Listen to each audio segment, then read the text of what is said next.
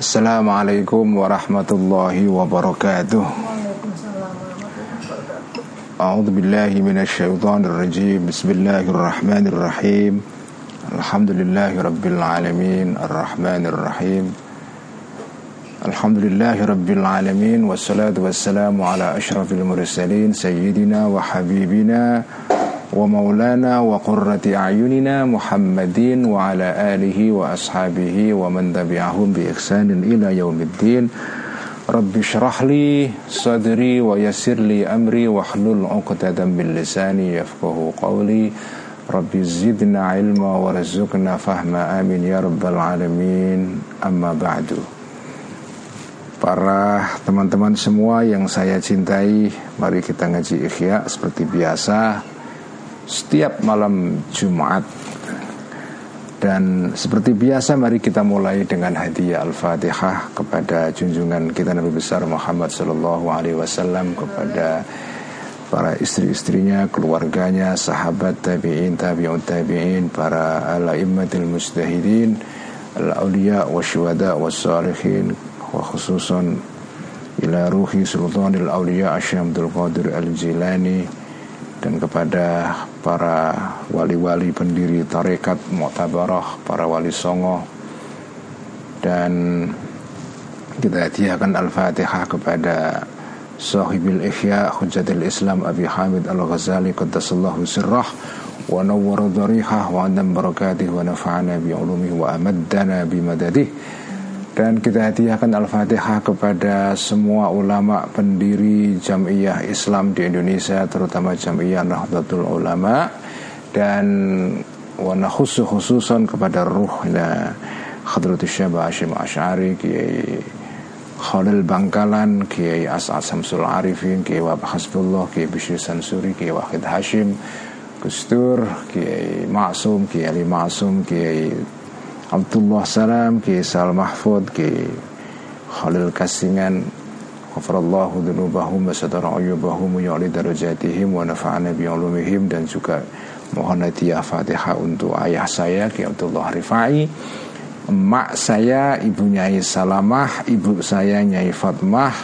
Dan juga kita hadiahkan Al-Fatihah kepada guru-guru kita, orang-orang tua kita, saudara-saudara kita, teman-teman kita yang sudah mendahului kita semua dan khusus hadiah Al-Fatihah kepada teman atau kerabatnya ya Mbak Admin Mbak Hidayatul Toyibah eh, Ibu Siti Marhamah yang sekarang sedang menderita sakit semoga disembuhkan oleh Allah. Dan juga dengan tawasul dengan Al-Fatihah yang akan kita baca dan juga dengan kitab Ikhya malam ini yang kita baca kita mohon agar semua teman-teman kita yang sedang sakit disembuhkan oleh Allah dan yang sedang dalam kesulitan diangkat segala kesulitan-kesulitannya dan teman-teman yang sedang bangun pondok pesantren Kiai Cep Samsul Hari, Ajengan Aki Udin dan yang lain-lain dimudahkan uh, proses apa bangun pondoknya. Lahum jami'an. Al-fatihah أعوذ بالله من الشيطان الرجيم. بسم الله الرحمن الرحيم. الحمد لله رب العالمين. الرحمن الرحيم. مالك يوم الدين. إياك نعبد وإياك نستعين. اهدنا الصراط المستقيم. صراط الذين أنعمت عليهم غير المغضوب عليهم ولا الضالين. آمين. بسم الله الرحمن الرحيم. قال المؤلف رحمه الله تعالى ونفعنا به وبعلومه في الدارين. آمين. رب يسر وأعين. Kita sekarang bahas soal marah ya. Bab atau pasal tentang hakikatul ghadab ya. Sejatinya marah itu apa sudah kita baca dalam minggu yang lalu. Nah kemarin diterangkan bahwa marah itu sebetulnya kalau dikendalikan ya secara seimbang itu positif ya jadi marah itu harus ada pada manusia, ya, pada orang. Karena begitu orang itu defisit rasa marah, bahkan total tidak punya rasa marah, itu juga nggak bagus ya. Tetapi surplus marah juga tidak bagus juga. Jadi marah itu harus eh, seimbang ya. Nah, sekarang kita akan membahas mengenai tingkatan-tingkatan uh, manusia ya. Tingkatan-tingkatan manusia ya. Uh, nasu kemudian manusia fi hadhil quwati di dalam ini halaman Ihya halaman 9 eh 597 juz kelima edisi Darul Minhaj ya. nasu Kemudian manusia fi hadhil kuwati di dalam kekuatan mental ini yaitu berupa rasa marah, kekuatan marah ala darajatin salatin atas derajat yang tiga, ada tiga derajat. Fi awalil fitrati di dalam fitrah yang pertama, dalam permulaan fitrah. Secara fitrah manusia itu ada tiga golongan. Minat tafriti berupa defisit marah, tidak punya marah sama sekali atau kurang marahnya. Wal ifrati dan surplus marah, kelebihan marah. Wal i'tidali dan sedengan, tengah-tengah, moderat itu ya. Itulah manusia secara naturnya ya, secara ciptaan alamiahnya itu ada tiga tingkatan, ada tiga golongan ini. Amat tafritu, adapun defisit marah sama sekali itu terjadi fabi faqdi hadhil quwati maka dengan jalan eh, kehilangan kekuatan ini marah ini. Audhu fiha hilang sama sekali. Audhu fiha atau lemahnya kuah ini. Nah, ini yang menarik. Wadhalika madhmumun. Dan kekurangan atau lemahnya kekuatan marah ini madhmumun itu dicela nggak bagus justru ya. Wahuwaladzi yuqalu fihi dan inilah orang yang diucapkan ya disebut ya fihi tentang orang ini innahu la hamiyatalahu jadi orang yang nggak punya marah itu inna sesungguhnya orang ini la hamiyata. Tidak ada api kemarahan. Tidak ada tanda kutip fanatisme ya lahu bagi orang itu. Kadang-kadang fanatisme bukan fanatisme ya tapi api kemarahan itu penting itu ya Walidzalika dan karena itu juga kala berkata Asy-Syafi'i Imam Syafi'i rahimahullah ya ini imam kita semua yang mengikuti madhab Syafi'i di Indonesia dan di Asia Tenggara. Imam Syafi'i mengatakan manistu dhiba falam yaghdab fahuwa himarun ya. Barang siapa ustuh tiba dibuat marah orang ini Falam yaghdab maka tidak marah orang itu Fahuwa khimarun. Maka orang ini sebetulnya seperti keledai Aikal khimari ya. Keledai orang itu Ya. Keledai ya apa hewan yang yang tidak cerdas ya. Jadi intelijensinya rendah. Karena itu kalau dibuat marah tidak marah. Itu keledai Faman maka barang siapa Faqada atau faqida Yang kehilangan orang ini Kuat hamiyati kekuatan berupa Kemarahan Wal ghadabi dan sama marah Aslan sama sekali Maka fahuwa orang ini nakisun kurang Jidan sama sekali Atau sangat ya.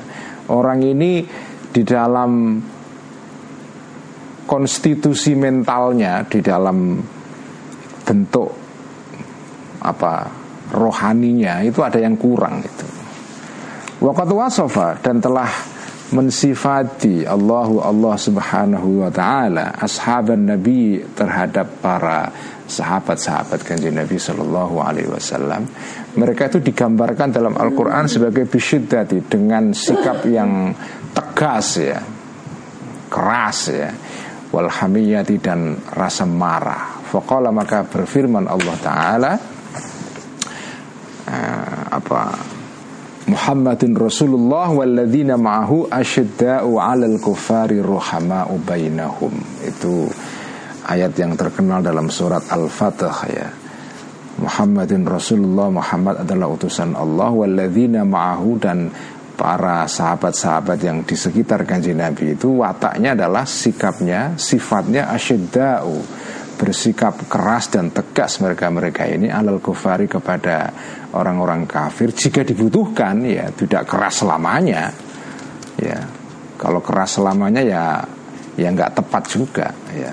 Karena orang non muslim itu ya sahabat kita juga apalagi dalam kerangka negara kebangsaan seperti Indonesia ini. Ya itu nggak boleh kita memusuhi orang kafir itu. Tapi di dalam situasi yang mengharuskan kita marah kepada mereka seperti terjadi pada saat apa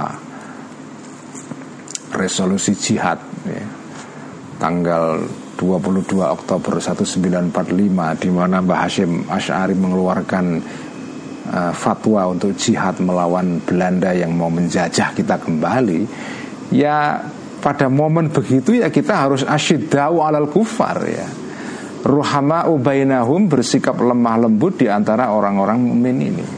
Itulah sikapnya orang-orang mukmin. Dijajah kok diem saja nggak marah sama sekali. Ya itu berarti keledai itu ya. Itu keledai itu ya. Wakala dan berfirman Allah Ta'ala linabihi kepada nabinya Allah Sallallahu Alaihi Wasallam. Jahidil kuffara wal munafiqina waghluz alaihim. Ya, jahidil kuffara. Perangilah engkau wahai Nabi Muhammad Baik kanji Nabi Al-Kufar orang-orang kafir Wal munafikin dan orang-orang munafik Wagluth alaihim Dan bersikap keraslah. Bersikap Apa? Ya Keras alaihim engkau Alaihim kepada Al-Kufar wal munafikin Wa innamal ghilzatu Dan sesungguhnya sikap kasar atau keras Wasyiddatu dan keras itu sebetulnya kalau ditelusuri ya kenapa itu muncul sikap keras? Itu adalah min athari kuwatil hamiyati e, berasal dari kekuatan berupa marah ya. Wahwal ghadabu dan dan apa e, itu ya al madhkur min al hamiyah atau al ghilzah wal syiddah adalah al ghadabu adalah marah ya itu pertama ya. Jadi orang yang tidak punya rasa marah sama sekali atau kurang tingkat kemarahannya itu seperti mesin yang kekurangan bahan bakar. Jadi nggak bisa dipakai untuk jalan kencang itu ya. Jadi dia dia tidak punya tenaga yang cukup ya untuk be, bekerja ya atau untuk melawan orang-orang atau jika ada ancaman kepada dirinya dia nggak punya nggak punya stamina nggak punya energi itu ya begitu juga ya kenapa manusia itu misalnya terlibat di dalam kompetisi ya. Kenapa ada kompetisi dalam olahraga itu? Itu kan orang itu kepingin ikut kompetisi dan mengalahkan lawannya ya. Itu kan karena ada alhamiyah ya ada rasa marah itu yang mendorong dia untuk bertindak itu nah kalau nggak ada alhamiyah pada diri orang itu dia seperti mesin yang kekurangan bahan bakar makanya alhamiyah dan al marah itu juga penting ya tetapi dalam kadar yang balance yang yang seimbang. Wa amal ifratu. Jadi tadi kita bahas soal at-tafrid ya. Ini istilah kunci yang uh, kita harus hafal ya atau kita ingat-ingat. At-tafrid itu artinya adalah keadaan di mana sesuatu itu kurang uh, dosisnya. Wa amal ifratu adapun ses, apa kelebihan dosis. Fahuwa maka ifrat itu antagliba menang hadis sifatu sifat ini yaitu hamiyah dan al ghadab marah. Hatta takhruja sehingga keluar hadis sifat an siasatil akli dari kemampuan mengaturnya akal manusia. Karena akal manusia itu punya kemampuan untuk mengendalikan. Siasa itu artinya mengendalikan. Wadini dan pengendalian agama wa ta'atihi dan mentaati agama. Marah yang kelebihan Nah, itu nggak bagus itu. Destruktif ya. Walayabqa dan tidak tersisa. Lil mar'i bagi seseorang ma'aha bersama hadis sifah ya basiratun yaitu sifat yang marah yang kelebihan ini basirotun tidak tersisa basirotun kekuatan berupa mata batin. Wala nadharun dan tidak penalaran. Wala fikron dan tidak pikiran. Wala dan tidak tersisa juga kebebasan ya, atau pilihan dia tidak punya lagi pilihan untuk memilih antara marah dan tidak marah. Begitu sudah marah, ya dia nggak bisa mengendalikan diri. Baliasiru dan bahkan menjadi orang ini ketika kadar marahnya itu melebihi dosis ya itu visuratil mutori seperti orang dalam gambarnya orang yang terpaksa jadi kamu seperti robot sebetulnya orang yang sudah nggak bisa mengendalikan marahnya itu berubah menjadi seperti robot jadi dia nggak bisa mengendalikan lagi dirinya. Dikendalikan oleh sesuatu yang lain yaitu marahnya itu. Itu ifrat ya. Wasababu ghalabatihi dan sebabnya menangnya ifrat ini. Kenapa kok orang itu punya kemarahan yang melebihi dosis? Itu sebabnya ada dua. Pertama umurun perkara-perkara Ghoriziyatun yang bersifat watak ya Bersifat Bersifat intrinsik pada orang itu Berasal dari naturnya dia Wa umurun i'tiyadiyatun Dan perkara-perkara yang bersifat kebiasaan Dalam istilah sosiologi ada nature, ada nurture. Kan ada dua itu kan. Ada nature ada nurture. Ada nature dan ada culture ya. Nature itu artinya ya watak asli seseorang. Sesuatu yang datang bersama kita sejak lahir ya. Nurture atau culture sesuatu yang ya tiadia sesuatu yang kita biasakan kita peroleh dari lingkungan sekitar ya nah itu sebabnya orang tidak bisa mengendalikan marah itu dua. Ada yang bersifat nature naturnya dia wataknya begitu sejak lahir. Ada yang berasal dari culture dari kebudayaan ya. Farubba insanin maka banyak manusia. Hua manusia ini bil fitrati secara fitrahnya naturnya nature-nya orang itu mustaidun itu siap orang ini li suratil ghadabi terhadap cepatnya marah. Ada orang yang begitu itu. Hatta ka'anna suratahu ka'an hatta ka'anna suratahu sehingga seolah-olah gambarnya casingnya bentuk luarnya orang ini fil fitrati di dalam naturnya wataknya itu suratu ghadbana gambarnya orang yang memang suka marah lihat bentuk tubuhnya gestur badannya ya. Bahasa tubuhnya itu udah kelihatan. Orang itu temperamental ya. Temperamental. Dan jenengan ketika lihat orang yang secara naturnya itu kok temperamental itu juga bisa merasakan ya. Dari bahasa tubuhnya. Dari apa mimik wajahnya ya. itu kelihatan semua itu tidak bisa disembunyikan ya. Nah ini dan dan menolong menambah ya. Ala zalika terhadap uh, apa ala zalika terhadap apa itu uh, ala zalika terhadap uh, suratul ghadab ya, ya. Atau kaunuhu bil fitrati musta'idan di suratul ghadab hararatu mizajil qalbi uh, panasnya wataknya hati. Jadi memang dasarnya itu sudah cetakan orang itu sudah suka marah. Ditambah lagi memang kondisi mentalnya ya mizajul qalb itu cetakan hatinya dia. Itu memang panas itu ya, panas. Kan ada orang itu yang cetakannya memang panas ya kalau kita dekat dengan orang itu juga rasanya panas juga itu ya itu kerasa itu nah, itu kalau begitu tambah lagi itu marahnya itu atau kadar temperamentalnya makin tambah lagi. Li'annal ghadab. Kenapa kok uh, panasnya cetakan atau wataknya hati itu menambahkan marahnya orang itu li'annal ghadaba. Karena sesungguhnya marah itu sebetulnya kan minan nari berasal dari neraka dari api ya. Kama qala sebagaimana bersabda kanjeng Nabi sallallahu alaihi wasallam. Jadi ada hadisnya itu ya. Uh, hadisnya bunyinya ala wa innal ghadaba jamratun fi qalbi ibni adam. Ingatlah sesungguhnya ini ini sabda kajian Nabi ya. Wa innal ghadaba jamratun fi qalbi ibni adam. Marah itu seperti seperti bara api ya. Seperti bara api, seperti arang yang menga, me, apa ya, me, menyala-nyala ya.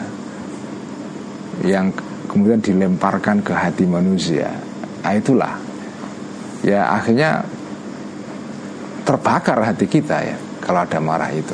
Wa innama burudatul mezaji Dan sesungguhnya uh, Dinginnya watak ya. Jadi jenengan Punya apa ya Punya uh, Cetakan Yang memang cenderung marah ya. Tapi diimbangi dengan dengan apa dengan watak kita yang dingin itu ya nah, itu kalau kalau kalau mizaj atau watak kita itu dingin ya itu bisa mem, sedikit membantu me, me, me, meredam kemarahan itu. Tutfiu itu bisa me, me, me, apa mematikan atau memadamkan burudah ini hu kepada al qalb wa taksiru dan bisa memecahkan ya atau apa ya memecahkan me, menghancurkan sauratahu terhadap terhadap pagarnya atau temboknya pagar yang mengelilingi al qalb itu. Atau mizajul qalb ya. Atau ghadab juga bisa. Nah, itu. Tapi kalau wataknya watak fisiknya sudah memang cenderung marah ya. Terus watak hatinya juga panas ya. Cetakan rohaninya itu panas ya sudah. Itu berarti dua hal saling uh, saling apa saling bekerja sama ya. Membuat marah itu menjadi lebih cepat uh, naik pada pada seseorang itu itu pertama ya. Sebabnya kenapa kok al ifrat tadi itu dosis marah itu tinggi itu karena hal-hal yang bersifat ghariziyah ya. Bersifat nature ya, bawaan. Wa amal asbabul i'tiyadiyah tuh adapun sebab-sebab yang bersifat net cultural ya kebiasaan ya budaya ya. Fahuwa maka uh, seseorang ya itu an yuhol maka contohnya adalah fahuwa maka seseorang ini an itu. Atau fahuwa maka um, al madhkur min al asbabil itu an itu contohnya bergaul seseorang kauman kepada orang-orang. Yatabajjahuna yang merasa bangga orang-orang ini bitasyafil ghaidhi dengan me memuntahkan dengan melampiaskan marah. Ada orang-orang itu yang kalau marah dan dilampiaskan kemarahannya itu tuh bangga banget. Itu kayak ada juga kan orang-orang itu yang eksistensinya dia merasa eksis dalam masyarakat kalau dia sikapnya itu temperamental, marah dan keras dan segala macam. Nah kalau sampean kok kumpul dengan orang-orang begitu itu ketularan budaya mereka. Jadi seolah-olah sampean kalau tidak bersikap keras dan cepat marah itu seperti kedirian sampean itu kurang itu. Dengan nggak eksis sama sekali. Kalau dianggap apa ya? Kalau jenengan kok tidak mudah marah, tidak tidak berangasan ya, tidak kasar itu ya. Itu dianggap tidak maco kan ada kan kultur maskulinitas itu ya. Jadi kelelakian itu tandanya adalah kalau kalau tersinggung sedikit langsung marah itu. Kalau nggak marah itu kelelakiannya maskulinitinya itu itu kurang itu. Itu yang disebut dengan budaya majismu itu ya. Itu ada di ya di kita pun juga masih ada di sebagian kalangan itu pokoknya kalau nggak nggak kelihatan sangar ya, berangasan ya, kasar itu ya. Itu dianggap wah apa itu ya. Itu pengecut itu ya. Pengecut itu. Dan sampean kok kumpul sama orang-orang begitu ya sudah ketularan itu ya. Jadi orang-orang yang bangga melampiaskan marahnya wa ta'atil dan menaati marah. Wa yusamuna dan menyebut mereka ini zalika tadi itu tasyafil ghaib dan ta'atil ghadab syaja'atan sebagai sifat keberanian, warujuliatan dan maskulinitas itu kelelakian, majismu ya. Fayaqulu maka mengatakan al-wahidu satu Salah satu minhum dari orang-orang kaum tadi itu mereka kepa, satu kepada yang lain itu ke, kalau ngobrol itu ya ngomongnya begini analadzila asbiru alal makri wal mihali wala ahtamilu min ahadin amran. Anak aku ini sambil menepuk dada ya Alladzi adalah orang La asbiru yang tidak akan kuat aku ya Tidak akan sabar aku Alal makri terhadap terhadap rekadaya orang lain. Kalau ada orang lain mau mencelakai aku, aku nggak sabar, langsung aku bales. Wal mihali dan terhadap apa kekuatan, maksudnya kekuatannya orang lain yang mau mencelakai dia atau enggak kekuatan dalam pengertian saya tidak kuat menahan kekuatan marahku. Dan dia mengatakan itu dengan bangga. Aku adalah orang yang apa tidak kuat menahan apa ya rekadayaku dan kekuatanku. Wala ahtamilu dan, dan tidak dan tidak sabar aku min ahadin dari seseorang pun orang lain amron perkara. Pokoknya kalau ada orang lain nyenggol sedikit langsung dibalas. Saya nggak sabar itu. Bangga ya mengatakan begitu bangga. Wa maknahu dan makna ucapan orang seperti ini sebetulnya ya. Orang yang mengatakan begitu itu maknanya la aklali wa khilma. Tidak ada akal bagi Tidak ada akal itu maujud ya. Li bagiku Wala khilma. Dan tidak ada sabar ya. Itu maujud ya. Kenapa kok disebut itu maujud Karena apa ya uh, la ini la an-nafiyah lil jinsi ini itu amalnya itu amal inna ya. Jadi ada isimnya ada khobarnya. Tetapi is khobarnya la an-nafiyah lil jinsi na la yang menafikan jenis itu ya itu selalu dibuang kebanyakan ya. Jadi nggak disebut karena itu kalau maknanya harus disebut la akla tidak ada akal itu maujud ya. Ayolah akla maujudun. Maujudun itu khobarnya la akla karena akla itu isimnya la ya maujudun khobarnya tidak kelihatan tapi harus ditampakkan kalau maknai itulah itu itulah seninya ngalogat atau maknani ala pesantren itu jadi makna-makna yang tersembunyi ditampakkan tapi ya makna tersembunyi ini nggak akan tampak kalau orang nggak paham nahu nggak paham tata bahasa Arab ya ya nggak paham nggak tahu kalau ada khobar yang tersembunyi di sini Sumayad guru. Jadi maknanya ucapan tadi itu sebetulnya orang yang mengatakan begitu itu sama dengan mengatakan aku itu tidak punya akal. Kalau nggak punya akal, kalau kesenggol dikit ya marah ya. Nggak punya sabar, nggak punya kesabaran. Sumayad guru. Kemudian menyebut atau mengucapkan orang ini menyebut orang ini hu kepada ucapannya. Ini fi ma'radi atau fi ma'ridil fakhri. Di dalam konteks membanggakan diri. Nggak punya akal kok bangga. Ah itulah. Ada orang yang bangga kalau nggak punya akal. Kenapa? Lijahli karena bodohnya orang itu Faman maka barang siapa Sami'a yang mendengar orang ini hu kepada ucapan seperti ini Kumpul dengan orang seperti ini Maka rosaho akan menjadi uh, Mengakar ya men, menancap ya finafsi dalam jiwanya orang itu husnul ghadabi bagusnya marah Kalau orang kumpulannya dengan orang-orang seperti ini, itu merasa marah itu keren, ya, cool gitu ya.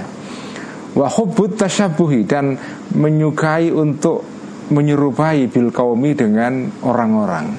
Ya ini biasa psikologi psikologi pertemanan sebetulnya ini kan. Ini kan psikologi ini. Orang kalau berteman dengan suatu kelompok tertentu dan di dalam kelompok itu ada ada kebiasaan-kebiasaan tertentu kan. Jenengan kalau nggak ngikuti mereka, ya itu dianggap sampai hari ini out group.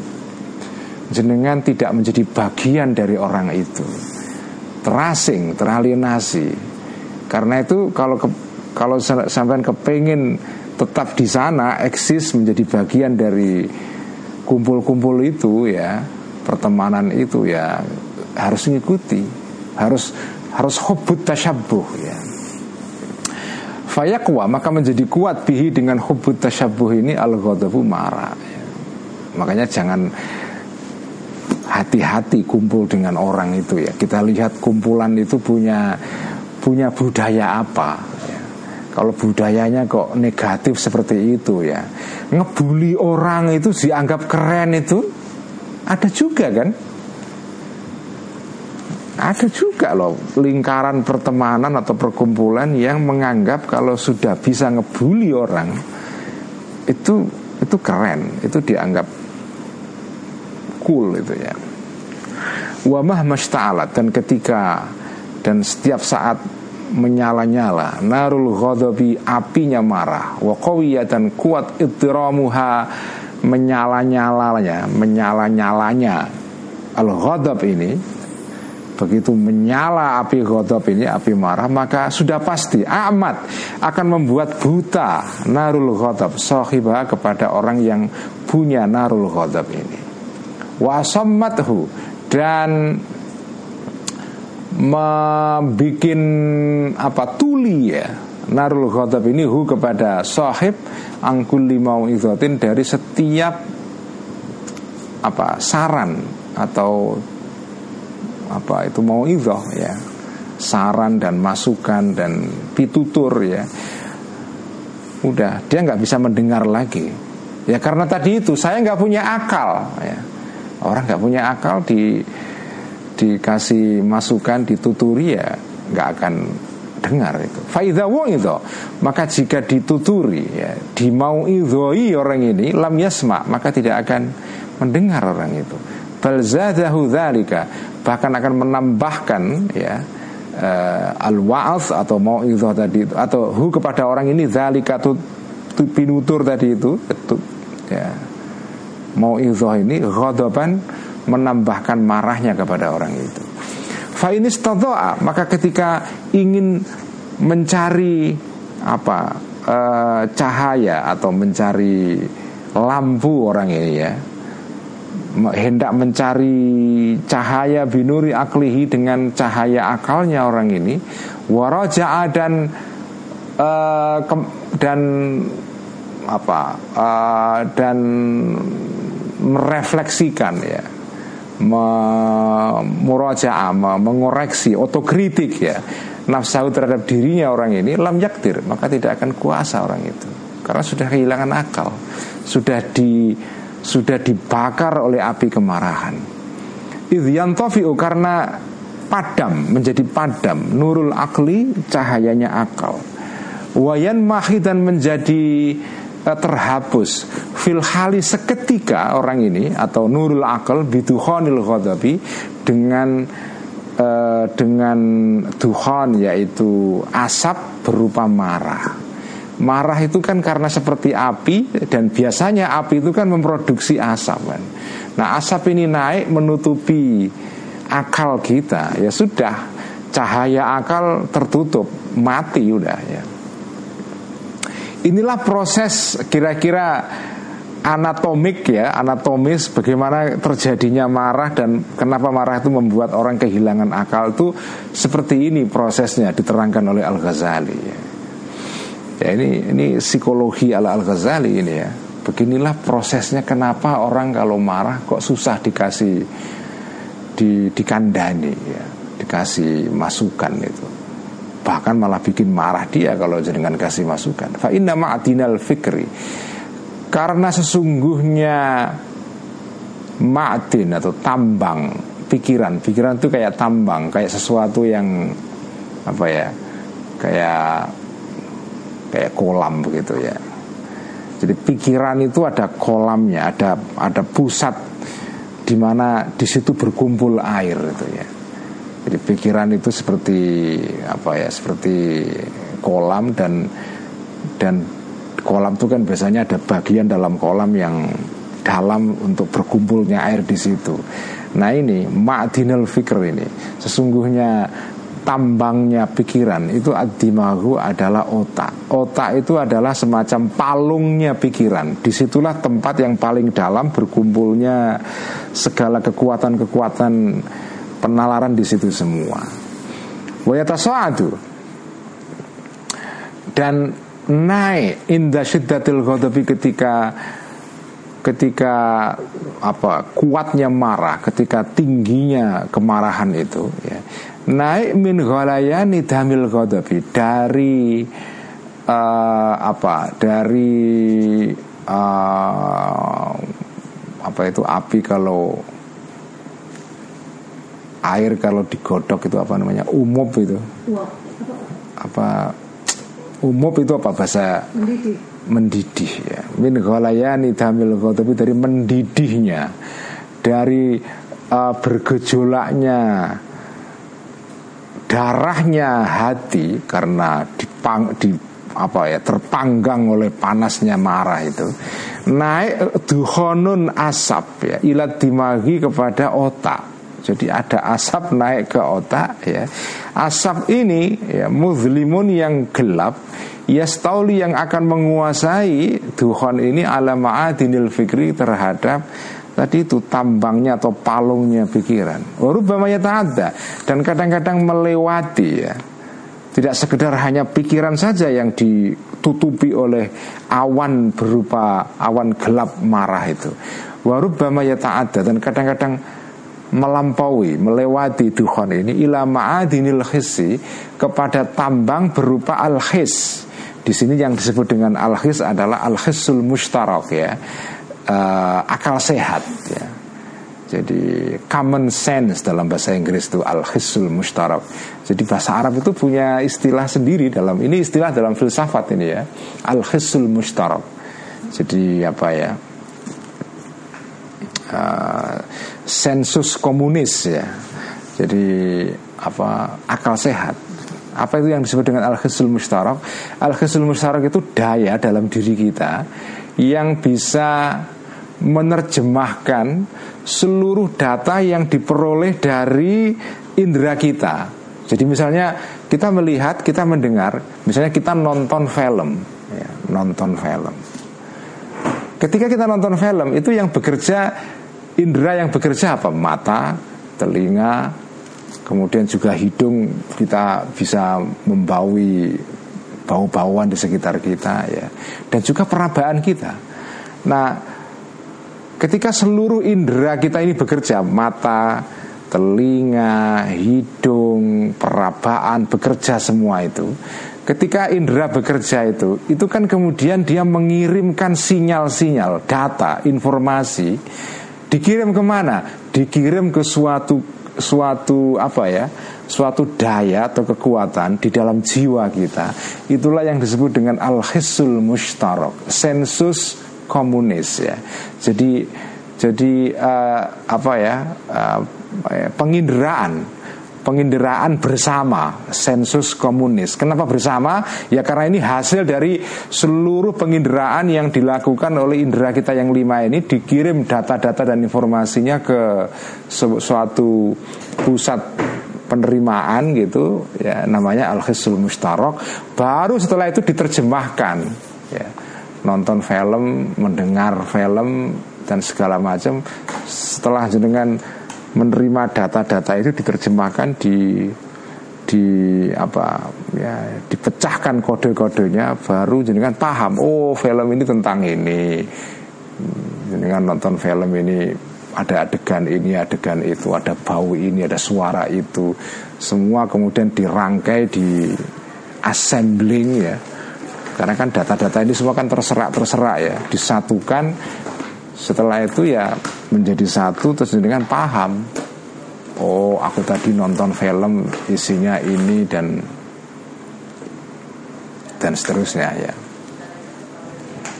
Itu namanya proses proses terbentuknya pengetahuan dalam diri manusia ya. proses kognisi nah ini asap tadi itu awan gelap tadi itu itu tidak sekedar hanya menutupi otak tapi juga menutupi kekuatan yang di bawah otak. Ingat ngaji miskat kemarin ya ada tingkatan-tingkatan ruh manusia ada ruh tingkat pertama ruhul hassas. Nah ini ruh pertama. Kedua adalah ruhul khayali ketiga ruhul akli. Nah asap tadi itu itu pertama-tama dia menutupi ruhul akli ruh yang punya daya penalaran. Itu ketutup oleh asap hitam karena api marah itu.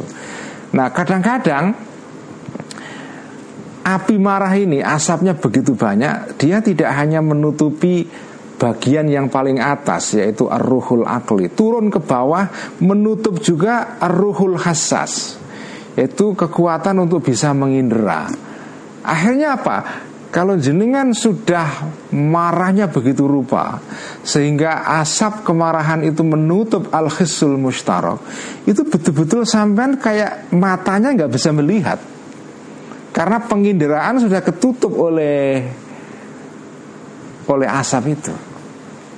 Ya, tapi ini kalau marah yang sudah tingkatnya sampai puncak itu ya, itu sudah gelap. Makanya kalau orang Indonesia kan menyebut orang itu kalau sudah marah marah gelap mata. Nah, ini ini keterangan dalam Ihya itu cocok dengan itu gelap mata. Kenapa gelap mata? Karena tadi itu asap hitam itu saking banyaknya dia tidak sekedar hanya menutup ya, menguasai otak tapi juga menguasai daya-daya penginderaan sehingga sampai nggak dengar suara, nggak bisa melihat sesuatu, meraba pun juga nggak bisa meraba, nggak kerasa itu objek yang diraba itu, karena sudah mati rasa semua, saking kuatnya rasa marah itu ya. Begitulah bahayanya marah ini ya. Kalau sedang berkecamuk itu ya Fatu zulimu Maka menjadi gelap ainuhu matanya orang itu Hatta layaro sehingga tidak bisa melihat orang tersebut Sohibul kuwah tadi itu Abi ainihi dengan matanya orang itu Wataswadu dan menjadi gelap alaihi terhadap orang ini dunia dunia bi asriya dengan seluruh isinya dunia ini. Wayakunu dan ada dimaguhu otaknya orang ini alami sali kafin. Nah, ini menarik sekali ya apa ya e, perlambang yang dipakai oleh Al Ghazali. Alami sali kafin itu seperti contohnya seperti perlambang berupa gua, ya, gua, gua. Ini gua Plato ini kan ingat ya cerita mengenai Plato ketika menjelaskan tentang bagaimana orang-orang yang dalam gua ya melihat bayangan-bayangan, melihat bayangan itu seolah-olah itu nyata. Begitu dia sudah keluar dari gua, ternyata dia melihat kenyataan yang yang lebih real ya. Yang dilihat di gua itu ya hanya apa bayangan-bayangan yang yang menipu ya. Nah ini, ini sama Al-Ghazali menggunakan perlambang gua sebagai analogi. Alami thali kahfin itu seperti contoh berupa gua Ittaramat Yang menyala-nyala fi di dalam gua ini narun api. Ada gua Kemudian ada api menyala di situ ada kebakaran faswadda. Maka menjadi menjadi menjadi hitam jauhu udaranya. Ya udaranya kahfun wahamia dan menjadi panas mustaqarruhu lantainya gua ini. Wamtala'a dan menjadi penuh biduhoni dengan asap jawanibu tembok-temboknya gua. Wakana, wakana dan ada fi dalam gua ini sirojun Ada lampu. Ada lampu ya ada teplok ya Do'ifun yang yang lemah ya. Ada lampu teflon tapi sudah habis hampir habis itu minyaknya sehingga dia mindik-mindik sudah mau mati ya Fantofa'a ya karena lampu sudah mau mati, sudah lemah cahayanya, ditambah ada asap ya udah fantofa'a menjadi mati uh, lampu ini wan maha dan terhapus ya hilang nuruhu cahayanya api uh, lampu itu. Jadi lampu ini apa? Akal ya. Jadi ketika orang itu marah, marahnya sedang naik ke atas itu ya. Itu sebetulnya dia masih punya akal tapi akalnya ini, ya, nalarnya ini, itu sudah seperti lampu yang mau kehilangan minyaknya. Terus ditutup dengan asap, udah habis mati itu. Akhirnya apa? Akalnya hilang. Falatat butuh, maka tidak tidak menjadi apa ya? Tidak tidak tidak tidak menetap ya, tidak apa kokoh ya Artinya bisa berdiri kokoh di dalam gua ini Kodamun kaki. Gelap dengan jalan jatuh pasti Wala yusmi'u dan wala yusma'u dan tidak didengar fi di dalam uh, gua ini ya kalmun ya. Kalau dalam naskah yang lain kalamun dalam edisi yang lain di uh, bunyinya redaksinya adalah kalamun nah sama kalmun dan kalamun. Kalam ucapan ya. Walaturo dan jika dan tidak dilihat fi di dalam gua ini suratun bentuk. Ya gelap semua nggak ada kelihatan apa-apa. Wala yaktiru atau wala yukdaru dan tidak dikuasai tidak mampu ya.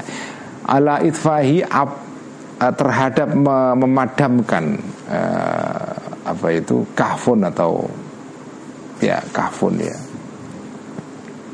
atau api di dalam gua tadi itu ya. Ala itfa ini status dalam secara gramatiknya tata bahasanya dia tata naibul fa'il berupa uh, apa itu aljar wal majrur ya. Kalau dalam makna pesantren itu biasanya bunyinya begini wala yuk daru dan ora iso ora ora dikuasai ala itfahi opo mateni lampu ya atau mata ini api dalam gua tadi itu. La min dakhilin tidak dari dalam wala min dan tidak dari luar ya. nggak bisa dimatikan itu ya. Ya karena apinya di dalam ya. Apinya di dalam gua. Sementara asapnya di mana-mana ya. Orang yang di dalam nggak melihat apa-apa ya. Jadi nggak bisa me, karena penuh dengan asap jadi dia nggak bisa mematikan sumber asapnya itu ya. Api dan juga yang di luar juga nggak bisa mematikan. Baliam bagi artinya apa? Kalau kalau marah itu sudah menguasai diri sampean itu ya. Itu susah. Orang nak wis uang nak uang nak wis ngamuk sengamuk ngamuknya orang sudah marah semarah marahnya ya udah kita nggak bisa apa-apa. Udah diamkan saja diamkan ya. Nggak usah ditanggapi nggak usah di udah kayak kayak api dalam gua yang sedang menyala-nyala ya. Dengan masuk nggak bisa yang di dalam keluar juga nggak bisa. Udah diamkan saja ya. Baliam bagi bahkan se seyugianya anias biro uh, sabar orang ini ya ila an yakhtariko sehingga uh, sampai terbakar. Jami umma yakbalu ya, orang yang ada dalam gua tadi itu sabar saja tinggal di situ. Nggak usah nggak usah ngapa-ngapain ya. Pokoknya didiamkan saja. Ilaan yahtariko sampai terbakar. Jami umma segala hal yakbalu yang menerima ma ini al iftirako kebakar. Ya. fakadhalika maka begitulah yaf'alu berbuat al ghadabu marah bil kolbi terhadap hati manusia wadimagi dan otaknya. Jadi kalau sudah marah sampai level yang puncak seperti itu sudah nggak bisa diapa-apain itu ya. Paling ya didiamkan saja sampai diam sampai mati apinya. Warubama takwa dan kadang-kadang menjadi kuat ya. Narul ghadabi apinya marah. Fatufni uh, maka merusak ya narul ghadab ar-rutubata kebasahan sifat basah ya. Allati biha yang dengan rutubah ini hayatul qalbi hidupnya hati ya. Hidupnya apa jiwa ya.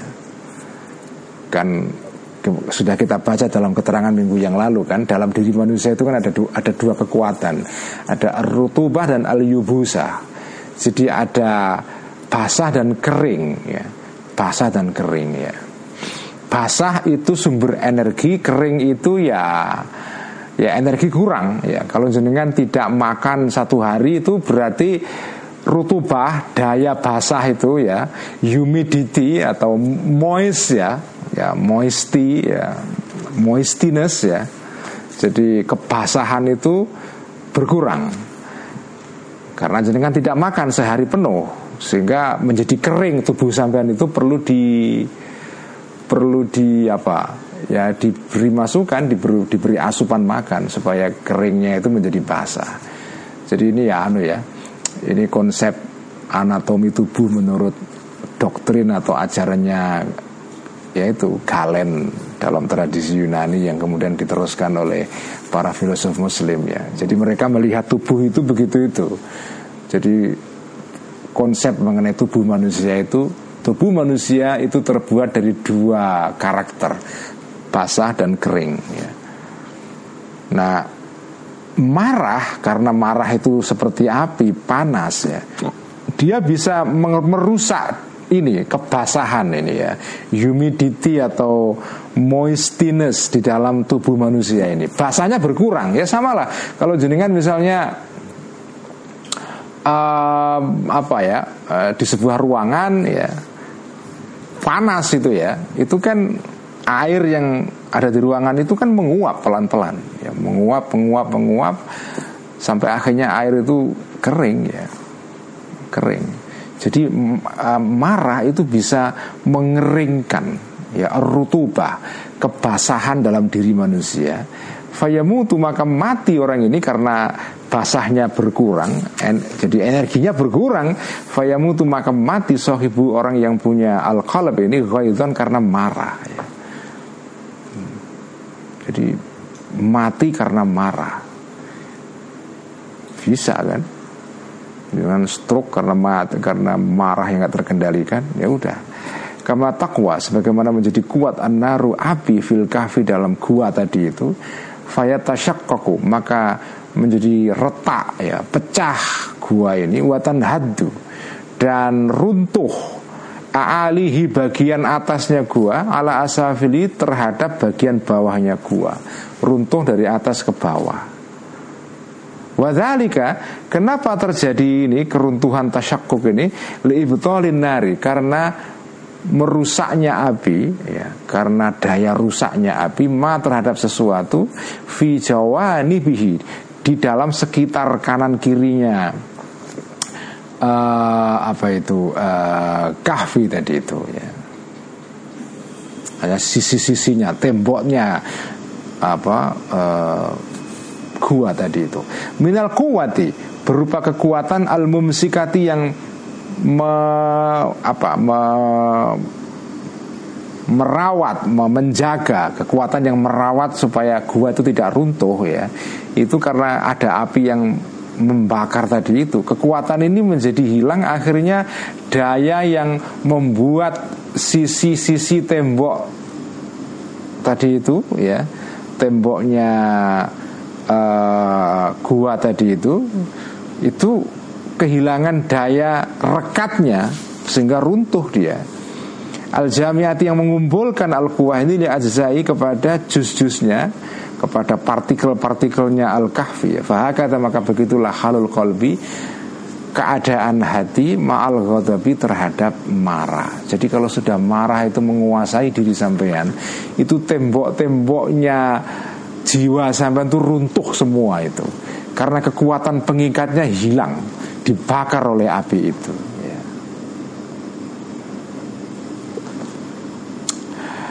Wabil hakikati. Dan secara hakikat ya. Fasafinatu. Ini apa penjelasan lebih jauh lagi mengenai proses atau sejatinya marah itu ya. Wabil hakikat dan secara hakikat ya. Fasafinatu maka perahu fi multatimil amwaji di dalam ombak yang apa yang yang saling apa ber saling menghantam satu yang lain ya. Ombak yang apa yang tumpuk menumpuk dan seperti dua hal yang saling apa ya saling uh, um, saling tabrakan itu ya kata iltatoma multatim itu dari kata latomun itu secara harafiah artinya menampar pipi itu menampar sesuatu ya dengan menampar itu jadi ombak ini karena saling apa ya tumpuk menumpuk jadi dia seperti tampar menampar itu ya. Nah, itulah namanya apa maknanya multatimil amwaji. Jadi jadi perahu ketika berada di tengah ombak yang saling tampar menampar itu indat tirabir ketika bergejolaknya. Angin ya filut jadil bahri di dalam keluasan samudra ya. Perahu dalam keadaan seperti itu itu ahsanu lebih baik halan keadaannya. Wa arja dan lebih lebih bisa diharapkan salamatan selamatnya minan nafsi daripada jiwa al mutoribati yang bergejolak ghaitun karena marah bahkan perahu di tengah lautan yang diterjang badai ya, diterjang ombak yang saling tampar menampar itu itu jauh lebih bisa diharapkan selamat daripada orang yang dimakan oleh api marah ini. Kenapa? Idfis safinati karena di dalam di dalam perahu dalam kapal. Itu kadang-kadang man ada orang ada nahoda ya yahtalu yang berusaha man ini litas kinia untuk menenangkan uh, riyah tadi ya atau amwaj ya. Watadbiriha dan atau untuk menenangkan safinah ya perahu sebetulnya. Watadbiriya dan dan menguasai perahu. Wayan dulu dan melihat orang inilah terhadap perahu bayar susu dan mengendalikan ya. Mengendalikan orang ini ha kepada as-safina. Kalau perahu masih ada nahodanya yang bisa berusaha menyelamatkan tetapi wa amal kolbu anapun hati yang dikuasai marah Fahuwa maka hati ini itu sohibus safinati adalah orang yang menjadi nahodanya perahu itu Kalau perahu diterjang ombak masih ada nahoda kalau orang dikuasai marah itu yang diterjang ombak itu ya nahodanya bukan perahunya saja jadi gimana kalau kalau yang diterjang ombak hanya perahu masih ada nahoda yang bisa mengendalikan. Lah kalau yang diterjang ombak ini nahodanya sendiri. Karena marah itu kan sesuatu yang menghantam jiwa, menghantam hati kita, itu pikiran kita. Artinya apa? Pikiran itu kan nahoda. Lah nahodanya sudah diterjang ombak. Bagaimana ada harapan untuk selamat? Ya. Wakot sakota dan telah jatuh ya apa hilang khilatu usahanya sahibu safina karena diterjang oleh marah ini terjang ombak itu ya idama karena membuat membuat buta hu kepada sahibu safina al ghadabu marah wa asamma dan membuat uh, tuli ya. Uh, apa uh, marah tadi itu hu kepada sahibu safina.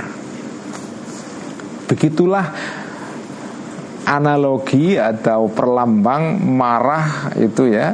Itu ya itu seperti perahu diterjang ombak. Tetapi perahunya ini yang diterjang bukan hanya perahu saja nahodanya pun diterjang ombak. Bagaimana bisa diharap selamat itu jadi ya semoga kita bisa mengendalikan marah ini ya. Marah ini berat ya di era digital itu begitu banyak konten-konten yang bisa bikin bisa bikin marah kita itu ya. Dan orang kan nggak bisa meninggalkan apa konten-konten itu ya. Makanya sekarang itu banyak orang marah itu ya karena itu ya. Dan kadang-kadang kadang-kadang itu ya kita baca konten di media sosial gitu. Pagi-pagi baru bangun tidur itu itu karena ada konten yang nyebelin ya bikin marah kita. Itu bisa seharian itu kita nggak bisa kerja nggak bisa konsentrasi hilang semua ya.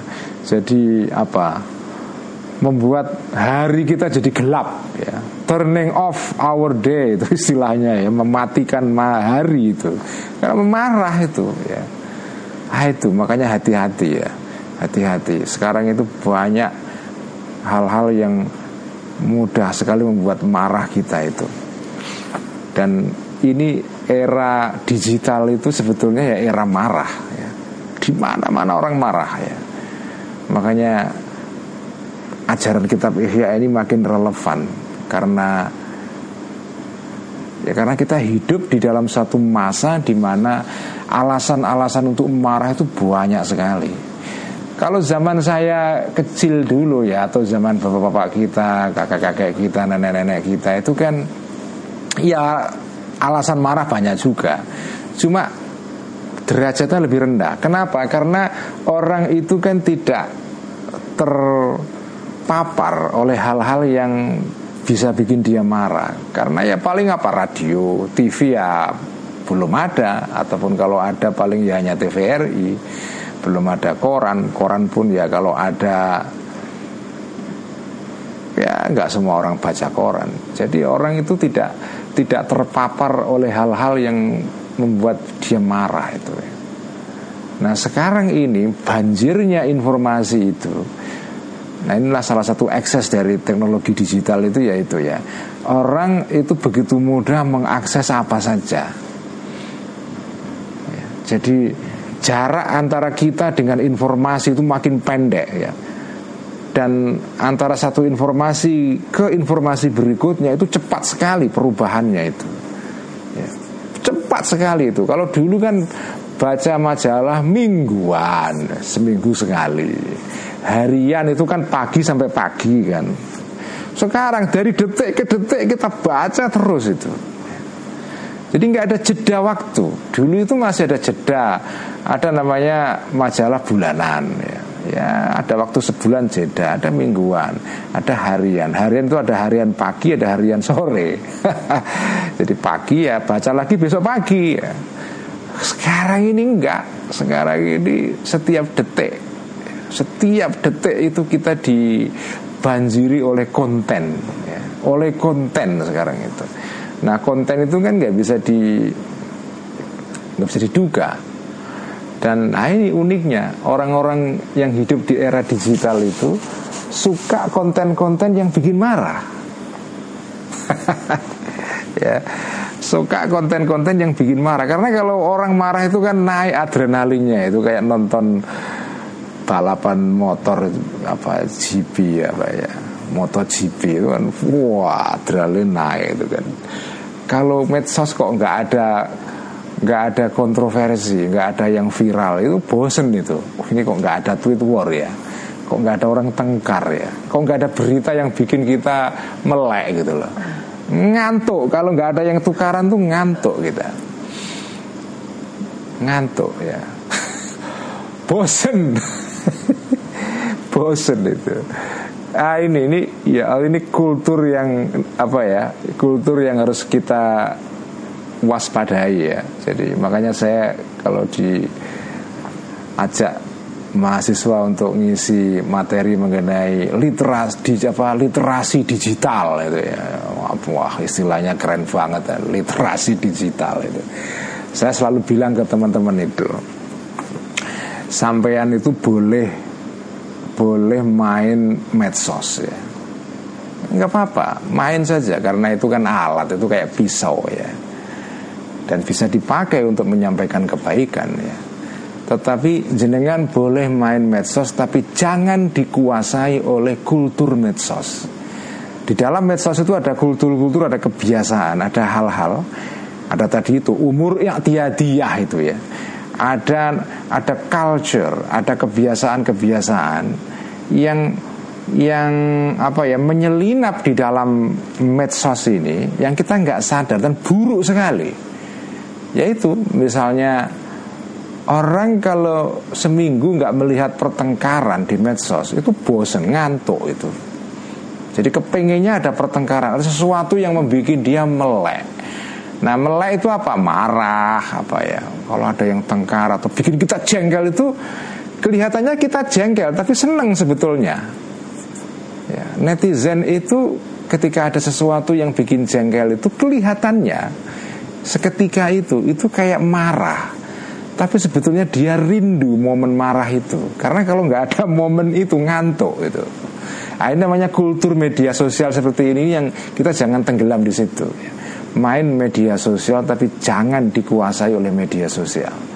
Pakailah itu sebagai alat. Jadi Jangan kita dikuasai kayak tadi itu marah asap naik ke otak kita menutupi akal sehat al khisul mustarok sensus komunis kita terhalangi.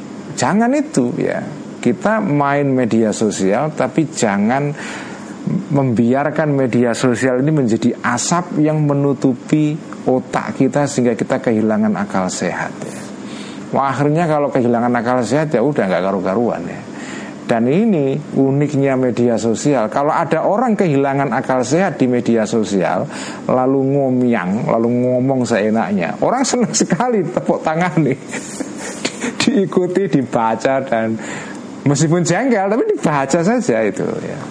Kalau ada orang kok ngomyang di media sosial, orang seneng karena itu jadi tontonan itu. Karena kalau nggak ada yang begitu ngantuk. Ya. Makanya setiap saat tuh ada yang trending, ada yang viral, yang Pokoknya yang heboh-heboh gitu loh ya Yang heboh-heboh itu Oke sekian ngaji Ihya malam ini Semoga kita bisa mengendalikan marah kita ya Di zaman yang mudah bikin orang marah ini Mari kita tutup ngaji Ihya malam ini dengan bacaan sholawat bil qulub Allahumma salli على سيدنا محمد طب القلوب ودوائها